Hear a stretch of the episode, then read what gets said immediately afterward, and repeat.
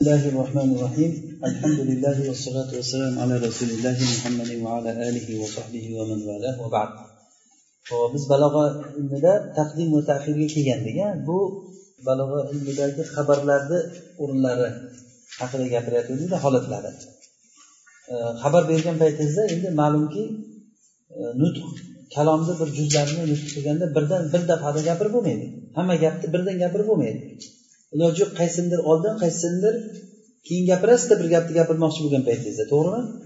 Balki ba'zi juzlarni taqdim qilish va ba'zilarini tahir qilish lobud bo'ladi.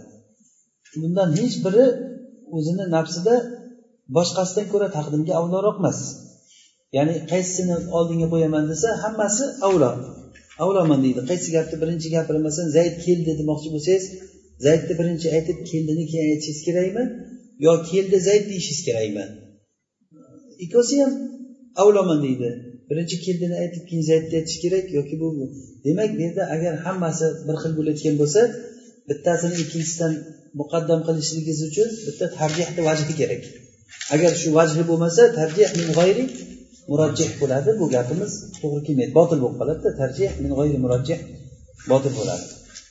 Bu lafzlar hammasi mushtarak bo'lganligi uchun ishtirok bo'lganligi uchun. Min alfoz. U lafzligi jihatdan. Ya'ni nima uchun siz bitta lafzni ikkinchi lafzdan muqaddam qilyapsiz? Buni bir vajhini aytishingiz kerak. Tushunarlimi? E'tibor darajasida hammasi bir xil. Demak mana buni e'tiborga taqdim qilishligimiz mana bundan e, taqdim qilishligimiz uchun shuni keltirib chiqaradigan vojib qiladigan bir doiy sabab bo'lishi kerak. Agar shu bo'lmasa tarjih min g'oyri murajjih bo'lib qoladi. Bu yaxshi e, nima bo'ldida muqaddima bo'ldi hozirgi. Taqdim va tahrirga zo'r muqaddima. Ya'ni aytmoqchilarki lafz jihatdan bunday arab tilini kalomni dalolati jihatdan qarasangiz hammasi meni birinchi ayt deydida nima uchun siz birinchi buni keyin buni keyin buni aytishingiz kerak? Nima sababdan? Masalan uchta odam kirsa eshikdan kirmoqchi bo'lsa birga kirishda iloji yo'q. Albatta bir ikki uch bo'lib kiradi eshikdan endi siz aytsangizki sen birinchi kir mana unisi kirsa bunisi keyin kirsin masalan bo'y bo'ylaring bilan e, qator bo'lib kiringlar desangiz siz qanday nima bilan tarjih qilyapsiz? Bo'yi bilan. Ha ma'qul deydi bo'y bo'yi bilan masalan askarlarni ham terib qo'yganda bo'y bo'yi bilan qo'yadiku chiroyli ko'rinib turishligi uchun. Ana shunday bitta nimadir tarjih bo'lishi kerakda gapni bittasini oldin qo'yib unisini keyin qo'yishligingiz uchun nima uchun zayd keldi deb yoki keldi zayd desak ikkovini farqi bor buni ana o'shanda sizni o'sha e'tibori bir balog'iy bir gaplar bo'ladiki agar zayd keldi bilan keldi zayd desangiz o'sha ikkovsini ma'nosi bir biridan boshqa boshqacha bo'lib qoladi. Siz o'zingizni qalbingizda maqsad degan ma'no bor ana o'sha uchun shuni birinchi aytasiz masalan zayd keldi demoqchi bo'lsangiz demak e'tibor zaydda. Zaydni kelganligini xabar bermoqchisiz tushunarlimi? Ana shunday o'zini e'tiborimiz bu davoiylarni aytamiz. Mana shu davoiylardan biri at tashviqu ilal mutaaxir mutaaxirga qiziqtirishlik haligi ayta qo'ymaydida bu narsani. Agarda oldin o'tgan narsa g'arobatni sezdirgan bo'lsa. Masalan fihi hayvon mustahdathun min jamali. Unda xalq hayratga tushgan narsa jamotdan qotgan narsadan paydo bo'lgan hayvon. Masalan sizga aytsamki bir yumaloq bir narsa bor ajib yumaloq narsada ichidan bir hayvon chiqadi bunday bo'ladi bunday bo'ladi desa qiziqib turasizda nima ekan deb. Ana o'sha tuxumday deyapman men tuxum ichidan jo'sha chiqadiku desa sizni birdan haligi tashviq oshiradida bir gapni ayta qo'ymay bir kishi bunday bunday deb turib haligi qiziqtirib olib keladida gapni. Keyin oxirida uni aytadi. Maqsadni oxiri aytadi. Nima uchun oxiri aytadi? O'sha tashviq uchun. Yoki masalan gapni cho'zish uchun ham nima bo'ladi? Haligi gap uzilib qolmasin deb haligi muso alayhissalom alloh taolo bilan gaplashganda alloh taolo musa? Bu qo'lingdagi bu nima ey muso desa bu meni hassam bu. Bo'ldi gap tugashi kerak shu yerda. Muso alayhissalom gap tugamasligini xohlayapti. Yana gaplashmoqchida.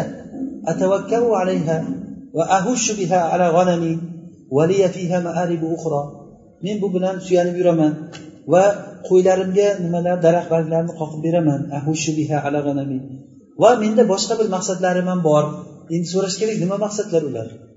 Boshqa ishlarim ham bor bu kaltakni boshqa xizmatlari ham bor menga. Desa yana so'rovchi so'raydimi nima xizmatlari bor deb gap cho'ziladimi? Ko'rasiz tashviq o'sha muso alayhissalom bu yerda qiziq qiziqyaptilarki gaplashish kerak gap uzilib qolmasin deganda edi mana bu ham bir uslub hozir bu bizni mavzumiz emas bu. Mavzuda shu bir narsani taqdim tahir qilgan paytda tashviq qilib turib mutaaxirga keyin kelgan narsaga qiziqish uyg'otish uchun bir narsani asosiy narsani keyinga qo'yib qo'yasizdan keyin siz muqaddima qilib kelaverasiz. Eshitib o'tirgan odamlar shu nima ekan deb turaveradi. Bir hayvon bor deysiz bunday qiladi bunday qiladi deb turib sifatlarini aytaverasiz nimaligini e, oxiri aytasiz u nima ekan deb turadida. Hozir mana sherga o'xshab xalq unda hayratga tushgan narsa degandan keyin sizda bir qiziqish uyg'otami nima ekan bu deb? Hamma hayratga tushgan narsa bu nima ekan desa yoki bo'lmasa xursandchilik yoki xafalikni shoshiltirishlik uchun. Mana bunda ham nima? Taqdim tahirda unisi bor. Masalan al afu anka sodara bihi al amru al afu anka senni kechirishlik bilan amr sodir bo'ldi. Ya'ni o'zi muhim kechirishda shu kechirishni kutib o'tirgansiz. Siz seni kechirish degandan keyin birdan yorishib ketadida kechirish degan narsa. Shu bo'ldi. Desa xursand bo'ladi odam. Yoki al qisosu hakama qisos bilan mana bunda xafalikda nima qilishlik? Muxtasu minhu aytishlik? Senga qisos olishlikni hukm qildi hozir. Desa mana bunda bir xafalik nima bo'ladi? Tez keladida birdan. Yoki bo'lmasa mutaqaddimni inkor va taajjub o'rni bo'lishligi ham bu ham taqdimga olib keladi. Masalan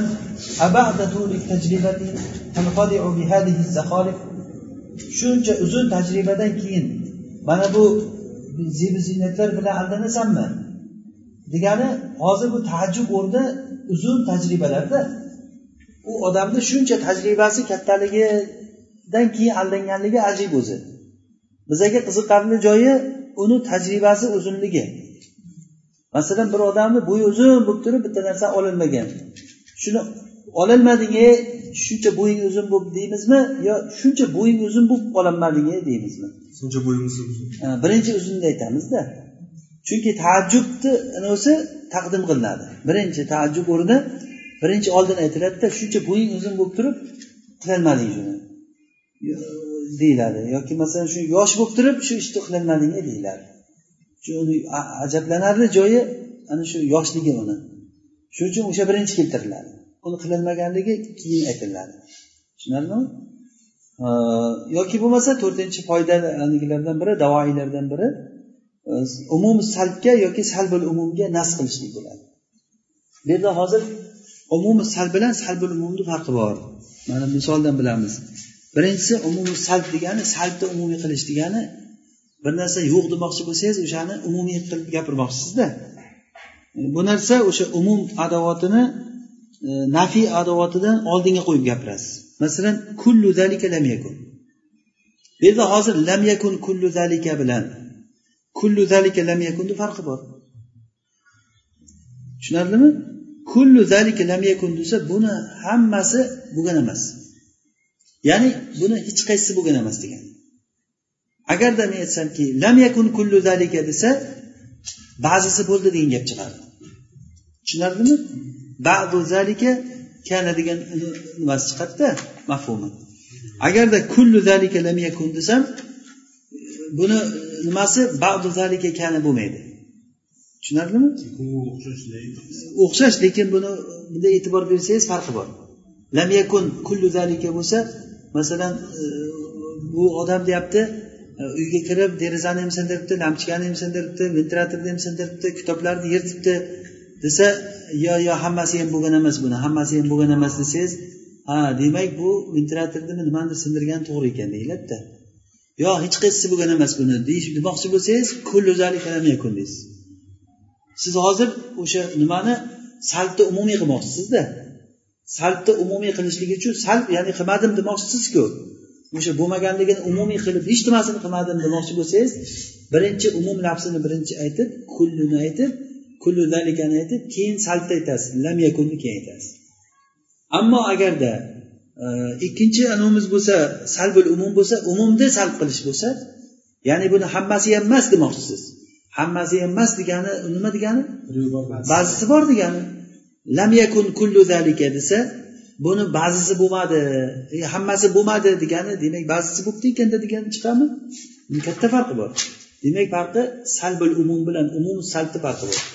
Umum salb o'sha umuman umumlashtirishlik uchun. Bu uchun nima qilamiz ekan? Adotul umumni oldin olib kelamiz. Kullu zalika lam yakun qaysisi masalan nafiyda baliqroq bo'ladi? Kullu zalika lam yakunmi yoki lam yakun kullu zalikami ya'ni umum salb bu baliqroq ya'ni nafiyda baliqroq bo'ladi nimadan? Salbul umumdan. Salbul umum degani umumni salb qilasiz. Ya'ni umumni salb qildi degani bu bu juzlarni salb qildi degani emas bu odamlarni hammasi kelmadi desam. Ha hammasi kelmadi desam bu nima degani ba'zilari kelibdimikan shu gap chiqadida. Hammasi kelmadi desa demak ba'zilari kelibdi ekan degan gap chiqadi. Lekin e, hamma odamlar kelmadi desam ya'ni umuman kullu nasi lam yatu desam hech kim kelmadi degan gap chiqadi. Hech kim kelmadi degani bu nima? Umumiy salbi yo umummi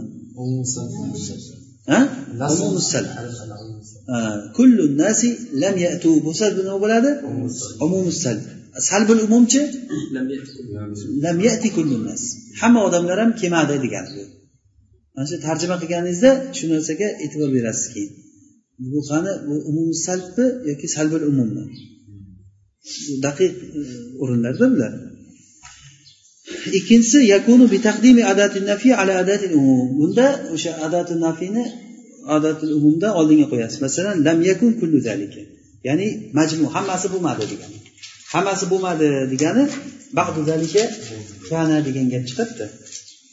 Demak ba'zisini sobit bo'lganligi ehtimoli bo'ladi. Va yahtamilu nafi kulli fard hamma fardni nafisi ehtimoli bo'ladi. Bunda e, nas bo'lmay qoladida bunda. Agar shuni salbni umumiy qilmoqchi bo'lsangiz keyin unda o'sha nimani oldinga o'tkazishingiz kerak nafiydan. Va yana bir anavisi taqsis uchun oldinga o'tkazasiz yoki keyin qoldirasiz. Masalan ma ana qultu.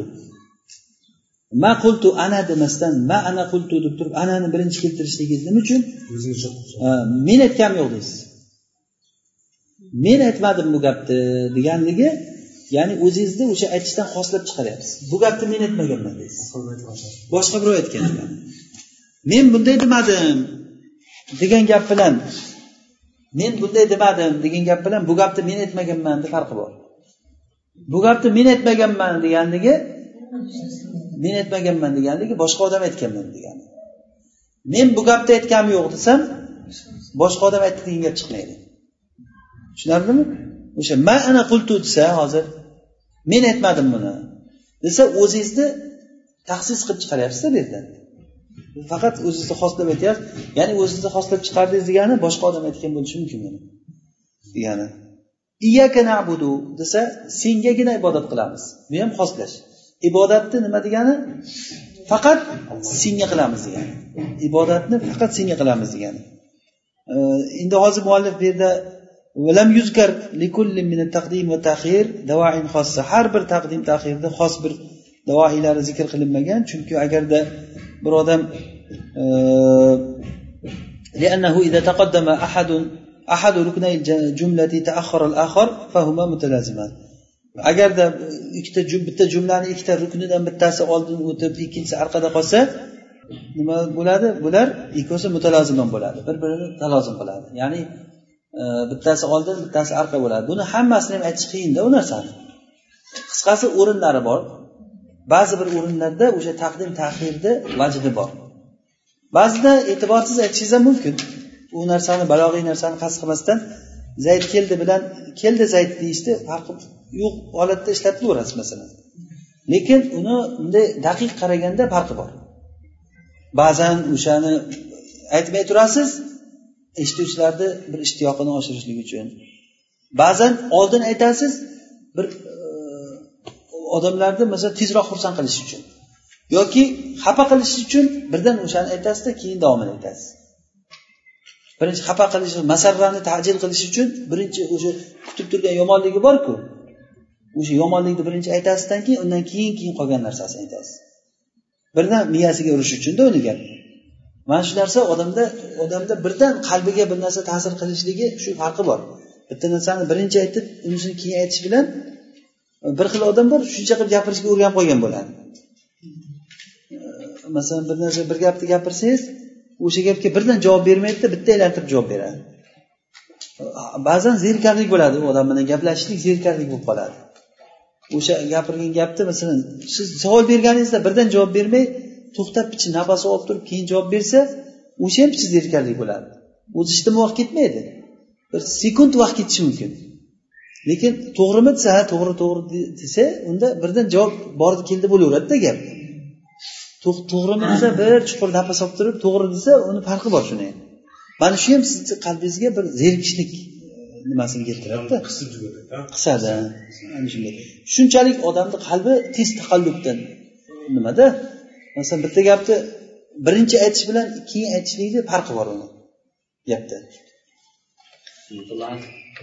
Mutalozim degani bittasini aytsangiz ikkinchisi keyindan kelib chiqayotgan narsa degani. Bittasini aytsangiz uni keyin ikkinchisi kelib chiqadi. Ya'ni bu degani agar taqdimda davoiylarini zikr qilsak tahirda davoiylari kelib chiqadi degani masalan biz ham nima uchun agar mana uni taqdim qildik desak ha o'sha uchun tahir qilingan ekanda deyiladida unisi masalan nima uchun kullu nasi lam yatu dedim men? Desa kullu nasini birinchiga keltirishligimni sababi e, umumiy salb uchun. Desam ha demak umumiy salb uchun mana tahir qilinibdi ekanda deysizda siz. Mutalozim degani men taqdimni sabablarini aytsam o'z o'zidan tahirni sababi ham o'zi chiqib turib chiqib qoldida o'zi aytib qo'ydim degan. O'zi bizni oldimizda yo taqdim bor yo tahir bor.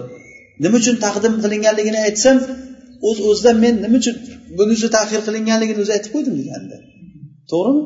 Mutalozim degani shu yerda. Ho'p al qasr qasr degani demak lug'atda taqsisu shayin bi shay bu istilohiy ma'no istilohda taxsisu shayin bi shayin bi tariqin maxsus. Maxsus bir yo'l bilan bir narsani bir narsaga cheklash. Ya'ni bir ma'noni ikkinchi ma'noga cheklash. Masalan zayd olimdir deyish bilan zayd olim zaydun alimun deyishdan ko'ra ma zaydun illa alim desak farqi bormi? Farqi shundaki zayd hech narsa emas faqat olim desam demak hozir zaydni nimaga cheklayapmiz? Olimlikka cheklayapmiz. Demak bu degani zayd bu shoir emas ekan. Zayd dehqon emas ekan. Zayd tojir emas ekan. Zayd faqat olim ekan degan gap chiqadida zaydun alimun desangiz u tijoratchi emas degan gap chiqmaydi. Tushunarlimi? Agar ma zaydun illa alimun desak zayd faqat olim desak o'zi olimlikdan boshqa sifat yo'q ekan. Chiqadi. Yoki aksi masalan ma alimun illa zaydun desam olim yo'q. Illa zayd bor desam demak bu yerda nima bo'ldi? Qasrul mavsufi ala sifa bo'ldi. Shu olimlik sifati bor bo'lgan odam faqat zaydda topiladi. Faqat u zayd u degani. Mana bu cheklash bo'lib qolyaptida. O'zi qasr hasr deb keltiradi. Qo'rg'onda masalan aytiladi masalan hisn deb aytadi o'sha bir narsani o'zimizda ham qasr deydiku. Qasr qurdi deydi. Buyoqqa qursa yugursa nima? Qasr qasr degani o'ralgan bo'ladida ichidagi narsa ko'rinmaydi. Demak siz bir ma'noni o'ramoqchisiz. Ma'noni o'ramoqchi bo'lsangiz maxsus maxsus bir uslub bilan u gapni o'sha ma'noni shu yerda o'rab qo'yasizki boshqa narsalardan ehtiroz bor boshqalar chiqarib yuborasiz shu yerda. Boshqa narsalar kirmaydi. Masalan ma zaydun illa alim desangiz bu yerda nimani o'radingiz? Zaydni faqat olimlikka chekladingiz. Ma alimun illa zaydun desakchi olimlikni faqat zaydga chekladingiz farqini bilyapsizlarmi? Demak qasru sifati alal mavsuf va qasrul mavsufi ala sifa degan narsani farqi chiqib qoldi shu yerda hozir masalan ma zaydun illa aliman desak zayd masalan laysa zaydun illa aliman desam nima bo'ldi bu? Zaydni olimlikka cheklayapman. Ya'ni zayd mavsufmi sifami? Mavsuf. Demak qasrul mavsufi ala sifa bo'ldi uni aksi ma alimun illa zaydun desam bir olim yo'qki illo zayd bor. Nima bo'ladi bu? Hozir nimani nimaga chekladim men? Ma alimun olim olimlik sifatini faqat kimga cheklayapman? Olimlik sifati faqat zaydda bor deyapmanda. Demak qasru sifati alal mavsuf. La ilaha illalloh. Nima bo'ladi? La ilaha ilah ulug'iyat sifatini nimaga cheklayapman allohga demak qosrul sifati alal mavsuf bo'ladi endi masalan bitta misol aytinglar qani qosrul mavsufi ala sifaga misol aytinglar qani qosrul mavsufi ala sifa vama muhammadun illa rasul muhammad rasuldan boshqa narsa emas degani. In hada illa ixtiloq in hada illa ixtiloq bu nima degani? Bu ixtilofdan bu to'qima narsadan boshqa narsa emas bu. In hada illa e, ismun muftaro. Bu to'qilingan bir gunoh bu desa demak bu hada mavsuf unisichi e, sifa bo'ladi. Farqini anglab oldinglarmi hozir? O'zbekchalab kim aytdi bitta siz aytingchi misol sifatni mavsufga hasr qilingchi nimachi ha turuvchi. Ya'ni ma qoimun illa zayd. Hozir bu yerda sifatni mavsufga qasd qildik aksini aytchi boshqa misol. Mavsufni sifatga qasr qil ma ana illa tolib ma ana illa tolib desa men tolibman xolos. Ana mavsuf men o'zimni nima bilan nimaga cheklayapman? Men o'zimni bitta sifatga cheklayapmanda mavsufni nimaga? Sifatga toliblik sifatiga cheklayapman. Boshqa narsa emasman men degani. Tushunarlimi? Tushunganga o'xshayapsizlar lekin tushunmaganga o'xshayapsizlar. Ha ma aliyun illa qori masalan e, ali ما هذا إلا بشر نما bo'ldi bu قصر الصفة على الموصوف يعكسم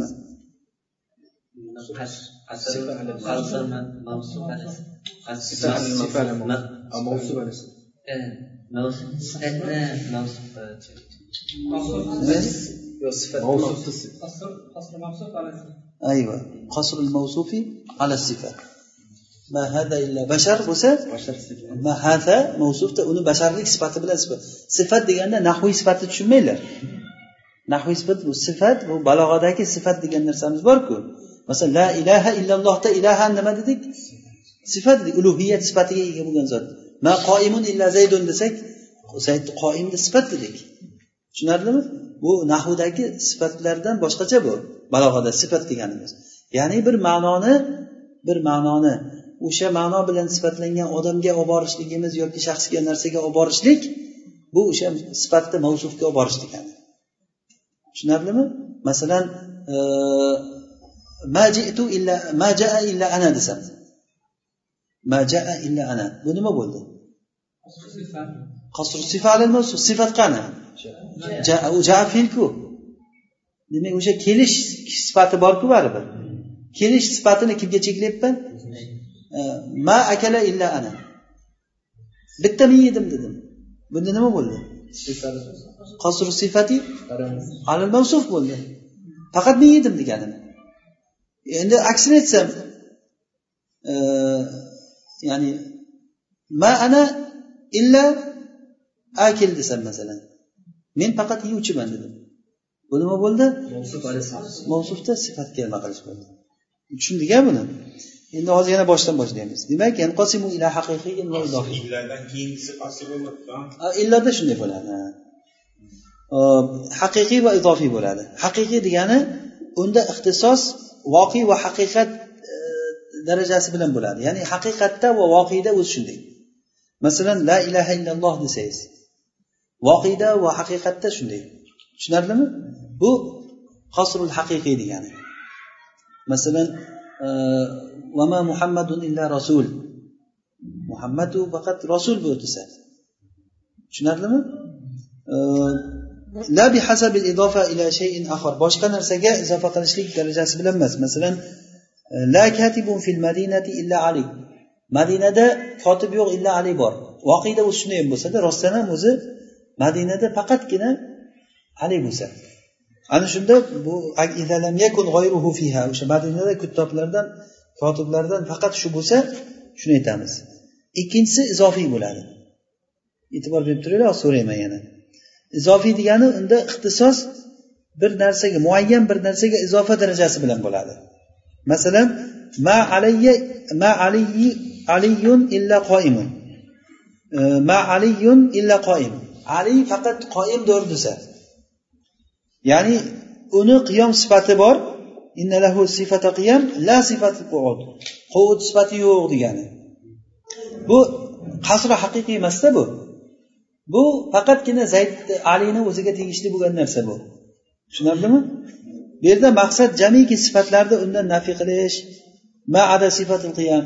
Hozir bu yerda maqsad nima? Laysal g'aradu nafiya jami sifati undan hamma sifatlarni nafiy qilishlik emas bu yerda maqsad. O'sha qiyom sifatidan boshqa ya'ni zayd faqat qoim degani unda boshqa sifat yo'q ekan degani emasda bu. Tushunarlimi? Bu nima bo'ldi? Qasri idofiy bo'ldi. Ya'ni qasr idofiy degani e, qasr idofiy degani. Muayyan bir narsaga nisbatan aytilingan bo'ladi u. Masalan ma zaydun illa alim desak zayd bu olim bu desa bu izofiy bo'ladi.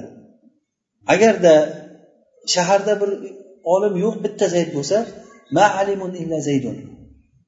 Desak bu nima bo'ladi? Qasri haqiqiy bo'ladi. U e, mavsufni sifatga qilsangiz ham sifatni mavsufga qilsangiz ham nima bo'lganda ham agar haqiqat va voqeda shunday bo'lsa u qasri nima bo'ladi?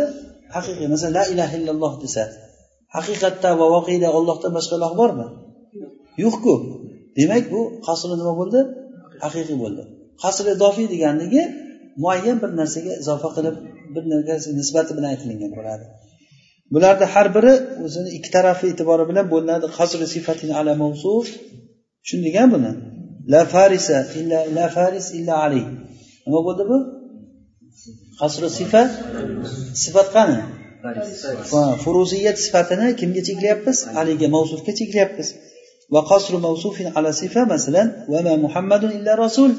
Muhammad mavsuf rasulchi demak muhammad degan mavsufni nimaga bitta sifatga cheklayapmiz? U sifati nima? Risolat sifati. Demak bunga fayajuzu alayhil mavtu degani bu rasul bo'lgandan keyin u mangu qoladigan degani emas bu bu faqat rasul risolatdan o'zi bor. Bo'lmasa sizlarga o'xshagan e, sizlarni mislaringga o'xshagan odam bu demoqchida. Qasr idofiy o'zi muhotabni holati e'tibori bilan uch qismga bo'linadi. E, muhotabni holati e'tibori bilan haqiqiy agarda voqega to'g'ri kelsa haqiqiy bo'ladi. Voqeda o'sha alidan boshqa chavandoz bo'lmasa o'sha qishloqda bu yerda shu chavandoz yo'q endi mergan yo'q bitta ali bor desangiz yoki masalan shopir yo'q paloncha bor faqatgina. Qishloqda bosh haydashni bilayotgan odam yo'q bitta paloncha bor. O'sha bu qasri haqiqiy bo'ladi tushundingizmi agar zaydni o'ziga nisbatan muayyan bir narsaga nisbatan aytayotgan bo'lsangiz unda izofiy bo'ladi. Izofiy e'tiboriy narsada buni qanday ajratamiz? Voqedan voqega agar to'g'ri kelsa shundan boshqa odam bo'lmasa qasri nima bo'ldi? Haqiqiy bo'ldi. Agar muayyan bir narsaga izofa qilib aytilinsa bunda izofiy bo'ladi. Demak o'sha izofiy deganimiz muhotabni holati e'tibori bilan uchga bo'linadi. Bu muhotabni xayolida masalan birinchisi qarang qasr ifrot ifrod sharika agar muhotab sharikatni e'tiqod qilib o'tirsa ya'ni sharikat degani shu uyga uchta odam kirgan zayd ali bakr kirgan deb o'tiribdi o'shanda men aytdim madahala illa aliyun desam muhotabni xayolidan qolgan ikkitasini chiqarib tashlash uchun aytdimmi bu nima bo'ldi qasri ifrod bo'ldi o'sha izofiy hammasi o'zi izofiy bular o'sha izofiylar o'zi uchga bo'linadida qasri ifrod bo'ldi bu ifrod nima uchun? Muhotabni muhotabni xayolidagi sharikatni yo'qotish uchun. Muhotabni xayolida sharikat bor. Ya'ni masalan shu duxulda ko'p odamlar kirgan shu uyga. Deb o'tirsam men madahola illa zaydun desangiz demak bunda qasr nima bo'ldi? Ifrod bo'ldi. Tushunarlimi? Ikkinchisi qasr qalb. Agarda aksini e'tiqod qilgan bo'lsa u zaydni olim deb o'tirgan ekan. Ma zaydun illa jahil dedim men. U zayd johildan boshqa narsa emas u desam ma zaydun illa ahmoq desam bu ahmoqdan boshqa narsa emas u desam demak uni e'tiqod qilib o'tirgan narsasini nima qildim men? Aks qildim. U unaqa emas. Aks degani aks ha. Qasri qalb ya'ni ag'darish qasd chappa qilib qo'yasizda uni e'tiqoddagi narsani bu uchalasi ham muxotabni zehnidagi narsa e'tibori bilan bo'lyaptida. Agar muxotab sharikatni e'tiqod qilib o'tirgan bo'lsa qasr ifrot qilasiz. Agar muxotabni zehnidagi narsani teskarisini siz isbot qilmoqchi bo'lsangiz xuddiki mana unga o'xshab vama muhammadun illa rasulun deganiga o'xshadi o'xshashda vama muhammadun illa rasul. Sizlar o'ylamanglar muhammad o'lmaydi deb o'ylamanglar. Chunki malak bu yoki bu bu bizdan boshqacha bir xususiyati bor buni deb o'ylamanglar. Min qablihi rusul. Afa immata aw qutila inqalabtum ala aqabikum degan oyat demak siyoqil oyat tafsir qilyaptiki nima uchun aytildi bu gap? Rasululloh sallallohu alayhi vasallam o'lishi mumkin ekan. Deganida bu haligi muxotablarni e'tiqodidagi narsani nima qilish? Chapparib qo'yish degani. Agar muxotabni zehnida sharikat bo'lsa uni yolg'izlab qo'yish uchun nima qilamiz? Qasru sharik ifrot qilamiz. Uchinchisi qasru tayin. Agarda g'oyir muayyan bittani e'tiqod qilib o'tirgan bo'lsa muayyan bo'lmagan bittani e'tiqod qilib o'tirgan bo'lsa masalan bu odam sharikatni bilmaydiyu kim kirganini bilmaydi. Kim kirdi? Mana shu uyga kim kirdi ekan? Zayd kirdimikan bakr kirdimikan xolid kirdimikan desa siz aytasizki innama dahala zaydun deysiz. Zayd kirdi deysiz. Bu innama bilan ishlatasizda. Zayd kirdi deysiz. Tushundingizmi shu hasr qilish uchunda hasrni yo'llari ko'pda. Uni ham bo'laveradi. Madahala illa zaydun desa muhotabni e'tiborida e, xayolida o'sha muayyan bittani bilmaydi u. Bitta odam kirgan biladi u lekin kimligini bilmaydi. O'shani cheklab qo'yish uchun nima deysiz? Madahala illa zaydun yoki inna madahala zaydun. E, madahala ahadun bal zaydun deganda. Tushunarlimi? E, endi qasrni yo'llari hozirgi turuqul qasr ba'zi nimalar to'rtta deydi mashhuri. Shu to'rtta. Turuqul qasr arbaa. Birinchisi nafi val istisno la bilan illamasa in hada illa malakun karim nafiqani in harf nafiy bu illa istisno bu demak mana shu narsa cheklaydi hozir qasr sifa alal mavsufmi yoki mavsufda mavsuf ala sifami ma hada illa malakun karim qasrul mavsufi ala sifami yoki sifati al mavsufmi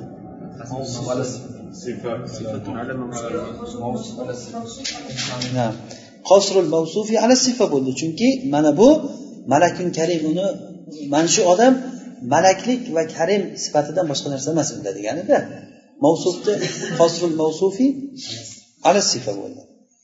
Va minha innama innama e, masalan innamal fahimu aliyun. Tushunadigan odam ali. Bu nima bo'ldi?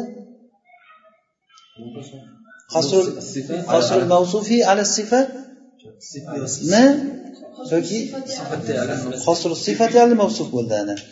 Va minhal atf. Yana bu qasrni yo'llaridan biri atf. Masalan lo yoki bal yoki lakin bilan atf qilishlik. Masalan ana natirun la nazimun. Men nasr qiluvchiman nozim qiluvchi emasman. Yoki vama ana hosibun bal katibun. Men hisob qiluvchi emasman balki kotibman deganda. Mana bu ham al atfu bi la va bal va lakin. Majaa zaydun lakin amrun. Zayd kelmadi lekin amr keldi demak bu kelishlikni nima qildim? Amirga chekladim ya'ni buni qasr sifati alil mursul bo'ldi. Yana qasrni bir yo'li turuqul qasrni yo'li. Uni haqqi ta'xir bo'lgan narsani taqdim qilishlik. Bu ham taqdimu ma haqqu taxir yufidul qasra val hasra. Qasr hasr bir ma'noda keladi. Ikkovi bir xil ma'noda. Iyyaka nabudu deganda. O'zi aslida omil nima? Nabudu. Iyyaka bo'lishi kerak. Nabuduka bo'lishi kerakda o'zi asli nabudu omil uni ma'muli keyin keladi? Ma'lumki o'zi omil birinchi keladi keyin ma'mul masalan jaa zaydun deganda jaa omil zaydun ma'mul bo'ldi. U raf bo'ldi bu shuning uchun ham. E, masalan doraba zaydun amron. Zayd amirni urdi. Doraba omil. Zaydun foili amron mafuli. Birinchi omilni aytasizda doraba zaydun amron e, amsi bil aso amamal madrasati dorban shadidan degandagi ana shu mutaallaqotlari hammasi nima bo'ldi? O'sha dorabaga tegishli bo'ladi. Olib kelib dorabaga yopishtirib yuborasiz ma'noni. Uni urdi kecha qayerda urdi? Kecha urdi qayerda? Madrasani oldida urdi. Nimacha urdi? Odob berish uchun urdi. Qanday qilib urdi? Qattiq urdi. Ana shunday qilib turib hammasi o'sha dorobaga omilga nima bo'ladi? O'zi aslida omil birinchi kelishi kerak edi. Asl shu. Endi nima uchun iyakani oldinga o'tkazdik? Taqsis uchun ya'ni qasr cheklab qo'yishlik uchun. Tushunarlimi sengagina ibodat qilamiz deb. Taqdim taqdir qilish taqdim jaa zaydun bilan zaydun jaa degan undan qasr foydalanadi yo uni farqi yo'q unda. Jaa zaydun unda faqat boshqa e'tibor bo'lishi mumkin. Haligi zaydun jaa deganda zayd deganda eshituvchini qalbiga xursandchilikni tezlashtirish uchun birinchi zaydni aytish mumkin. Tushundingizmi zayd keldi desa zayd degani birdan xursand bo'lib ketamizda. Zayd keldi desa zayd degani birdan xursand bo'lib ketasiz o'shani eshitgandan deganda hammasi nima illarni ma'nosida